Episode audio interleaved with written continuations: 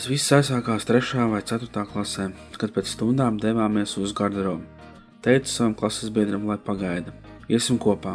Uz ko viņš man atbildēja? Tev jau nav naudas, ko tad mēs kopā iesim? Un tu vispār ģērbies kā bombas. Negribu ar tevi kopā iet. Nu, pateicoties viņam, es vienmēr piedāvāju, ko es velku, kā izskatos, vēl līdz šodienai. Laikam jau jāsaka paldies. Esmu Renalds, un šīs stāsta galvenais varonis ir Reinis mans kursa biedrs.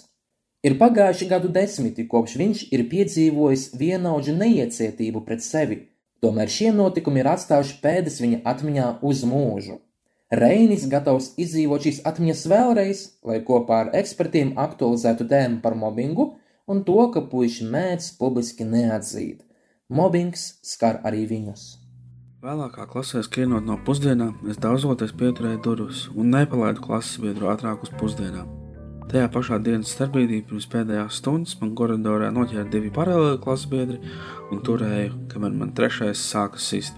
Es izrāvos un pretojos. Atskanēja skolas zvans, visi aizskrēja uz klasēm. Es ar sarkanu seju un atsistiem roku pirkstiem devos uz savu klasi. Tā arī visu stundu nosēdēju, neko nepasakot. Skolotāji arī neko neteica, vecākiem arī nē, jo nesapratu, par ko tas viss.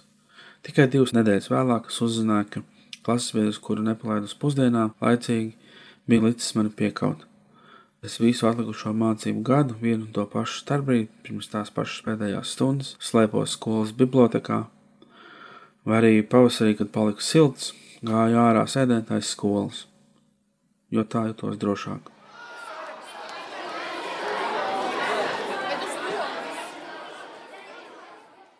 Sociālā projekta Neklusē veiktajā pētījumā par mobbingu 2019. un 2020. mācību gadā atklājās, ka 36% skolēnu īsti nezina, kas ir mobbings. Lai uzzinātu vairāk, sazinājāmies ar Mariku Anžāni Zoom platformā. Tā kā mobbings ir vārdarbība, kas notiek ilgstošā laika periodā, un tā tiek veikta speciāli, un tajā spēks vairs nav līdzvērtīgs, tad sekas, ko atstāja mobbings uz cilvēku, ir ārkārtīgi būtiskas.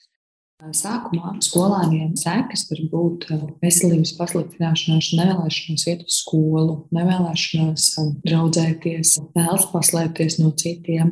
Var tikt novērotas izmaiņas arī paradumos, kā arī var parādīties depresija, suicidālas iezīmes. Ir gadījumi, kad uh, mobbings noved līdz tam, ka cilvēks izdara pašnāvību. Tādēļ ir ārkārtīgi svarīgi mobbingu risināt, pārtraukt un nodrošināt atbalstu upurim. Svarīgi ir pieaugušajiem redzēt, ka notiek konflikts starp skolēniem, iesaistīties tā risināšanā, lai konflikts nepāraug par mobbingu Un, ja ir novērots mobbings, jeb ilgstoša vardarbība, tad noteikti ir jāmeklē nopietnāki risinājumi un jāsniedz atbalsts gan upurim, gan pārdarītājiem. Tāpat ir jāstrādā arī ar grupu, jo mobbings ir grupas fenomens, respektīvi pārdarītājs bieži vien testē un skatās, kā rīkojas apkārtējie, kā rīkojas skolotāji, kā rīkojas vecāki, kā rīkojas citi skolēni. Un, ja šī rīcība netiek um, atbalstīta, tad pārdarītājiem bieži vien ir arī mazāka motivācija šo uh, rīcību turpināt. Es jau no trīs gadu vecuma dejoju tautsdēs. 90. gados bērnu vidū tas neskaitījās stilīgi. Vienu dienu ejot uz deju mēģinājumu, es pagāmā sastapu divus puišus. Es viņus atpazinu. Viņi man aizšķērsoja ceļu, neļāva doties tālāk. Teicu, lai liek man mieru un ļauj iet uz mēģinājumu. Viņi man sāk apsmiet, ka tikai mīkstie dejo tautas dēļ, sāk grūstīt, kad pretojos viņi man sāk sist ar rokām un kājām. Visam pa virsmu vēl apspļaudīju. Izrāvies no viņiem, es apspļaudīts skrēju prom uz mēģinājumu. Tautas dēļ dejoju vēl joprojām. Pasaulē tiek veikts pētījums, kurā Latvija ir pirmajā vietā pēc mobbinga rādītājiem. Un šis pētījums parāda, ka katrs trešais skolēns Latvijā cieš no mobbinga. Ja mēs atskatāmies atpakaļ, tad um, situācija ir mainījusies. Respektīvi, pirms desmit gadiem bija tikai atsevišķas organizācijas, kas um, atzina to, ka mobbings Latvijā ir un ka ir jānodrošina pakalpojumi. Savukārt, uh, ja mēs uh, skatāmies uz uh, starptautiskajiem pētījumiem, tad 2017. gadā Latvija vēl bija otrajā vietā pasaulē, un jaunākajā PISA pētījumā Latvija ir pirmajā vietā pēc mobbinga rādītājiem skolu vidē. Situācija ir palikusi sliktāka. Savukārt tas viss ir ļoti sadrumstalots. Un tas, kas pašlaik valstī trūkst, ir centrāla sistēma, kā mēs mobbingu preventīvi novēršam un kā mēs rīkojamies tad, kad mobbings jau skolā notiek. Latvijā ir aptuveni līdz 10-15 bērnu psihiatriem. Tas ir ārkārtīgi niecīgs skaits. Tāpat arī trūks psihologu, kas darbojas tieši ar jauniešiem, kas spēj nodrošināt jauniešiem pieejamas konsultācijas, jo, ja konflikts un strīds starp skolēniem ir izaudzis līdz mobbingam, tikai un vienīgi skolas personāls to netiks galā. Tas, kas noteikti nav mainījies, ir tas, ka liela daļa gan vecāku, gan skolotāju neizprot to, cik būtiska loma ir pieaugušajiem mobbinga situāciju risināšanā un arī novēršanā. Jo galvenais, kas ir jādara pieaugušajiem, ir jārāda piemērs. Jārāda piemērs ar savu uzvedību, savu komunikāciju, kā veidot atvērtas attiecības, kā respektēt vienam otru, un arī būt drosmīgam, ja redz kādu konfliktu situāciju vai kurinām mobbingu, tad eh, nepalikt vienaldzīgam, neklusēt un iesaistīties. Jo vairāk mēs to darīsim, jo vairāk mēs runāsim par šo problēmu un pieejamiem risinājumiem, jo vairāk arī apkārtēji pievērsīs tam uzmanību, iesaistīsies un kopīgi mēs spēsim eh, samazināt mobbingu Latvijā.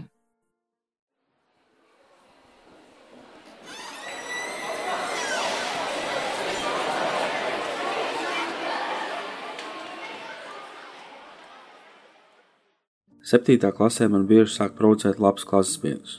Nesapratu, kāpēc. Mēs kāvāmies, pareizāk sakot, es tiku vairāk sists. Mana soma tika piesiet pie krēsla ar piespļaudītu prezervatīvu, tiku saukāts par resno, par geju. Jā, tajā laikā posmā es sāku pieņemties svarā.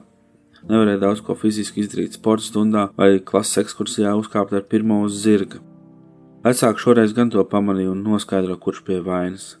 Teica, ka pazvanīs viņam un iebaidīs, bet vai viņi piezvanīja, cik atceros, nē, jo man bija bail, ka pēc tā varētu vēl kaut kas ar mani notikt.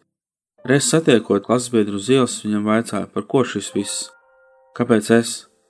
Atbilde bija: Es gribu piekaut vienu citu, bet es viņu nevaru, tāpēc es situ tevi.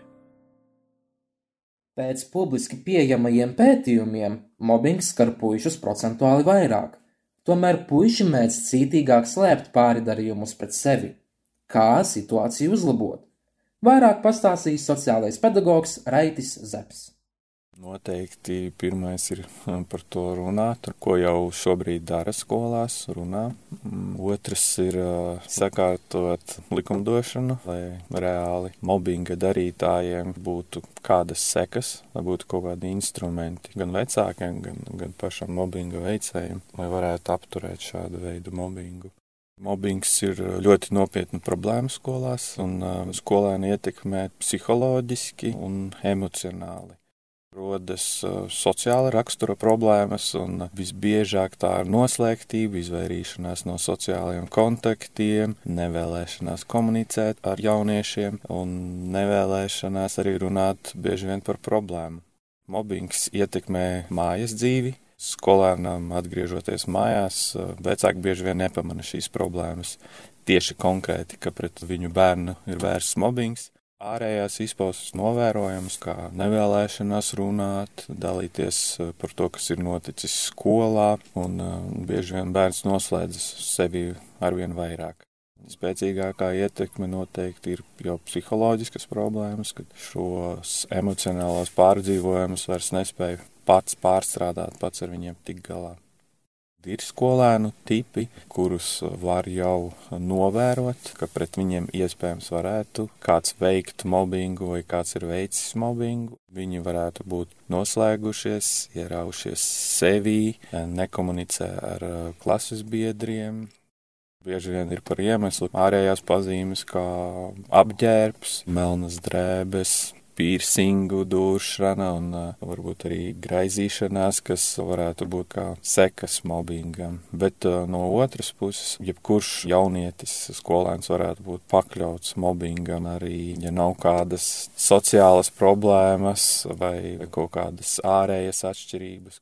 Katram jaunietim ir kaut kāds risks, ka pret viņu varētu veikt mobbingu. Skolās jābūt ļoti spēcīgiem profesionāļiem, kuriem bērni uzticās un bērni paši vēlas iet pie viņiem un dalīties ar problēmu. Ja nav identificēta problēma, tad arī grūti vispār kaut ko uzsākt, vai saprast, vai ir tāds mobbings skolā, vai, vai kādai nepieciešama palīdzība.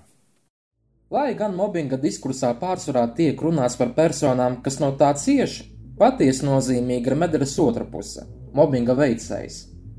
Cietējs ir sekas, un veicējs ir cēlonis. Arī ārstējot slimības, svarīgi ir noskaidrot saslimšanas cēloni, nevis cīnīties ar sekām, kas nenoved pie gaidītā rezultāta.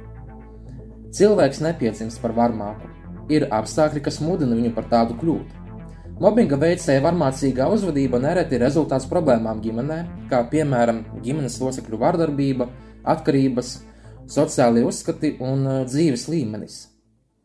Ir svarīgi nodrošināt atbalstu cietējiem, tomēr vēl svarīgāk ir nodrošināt to pāri darītājiem, lai izskaustu problēmu saknē.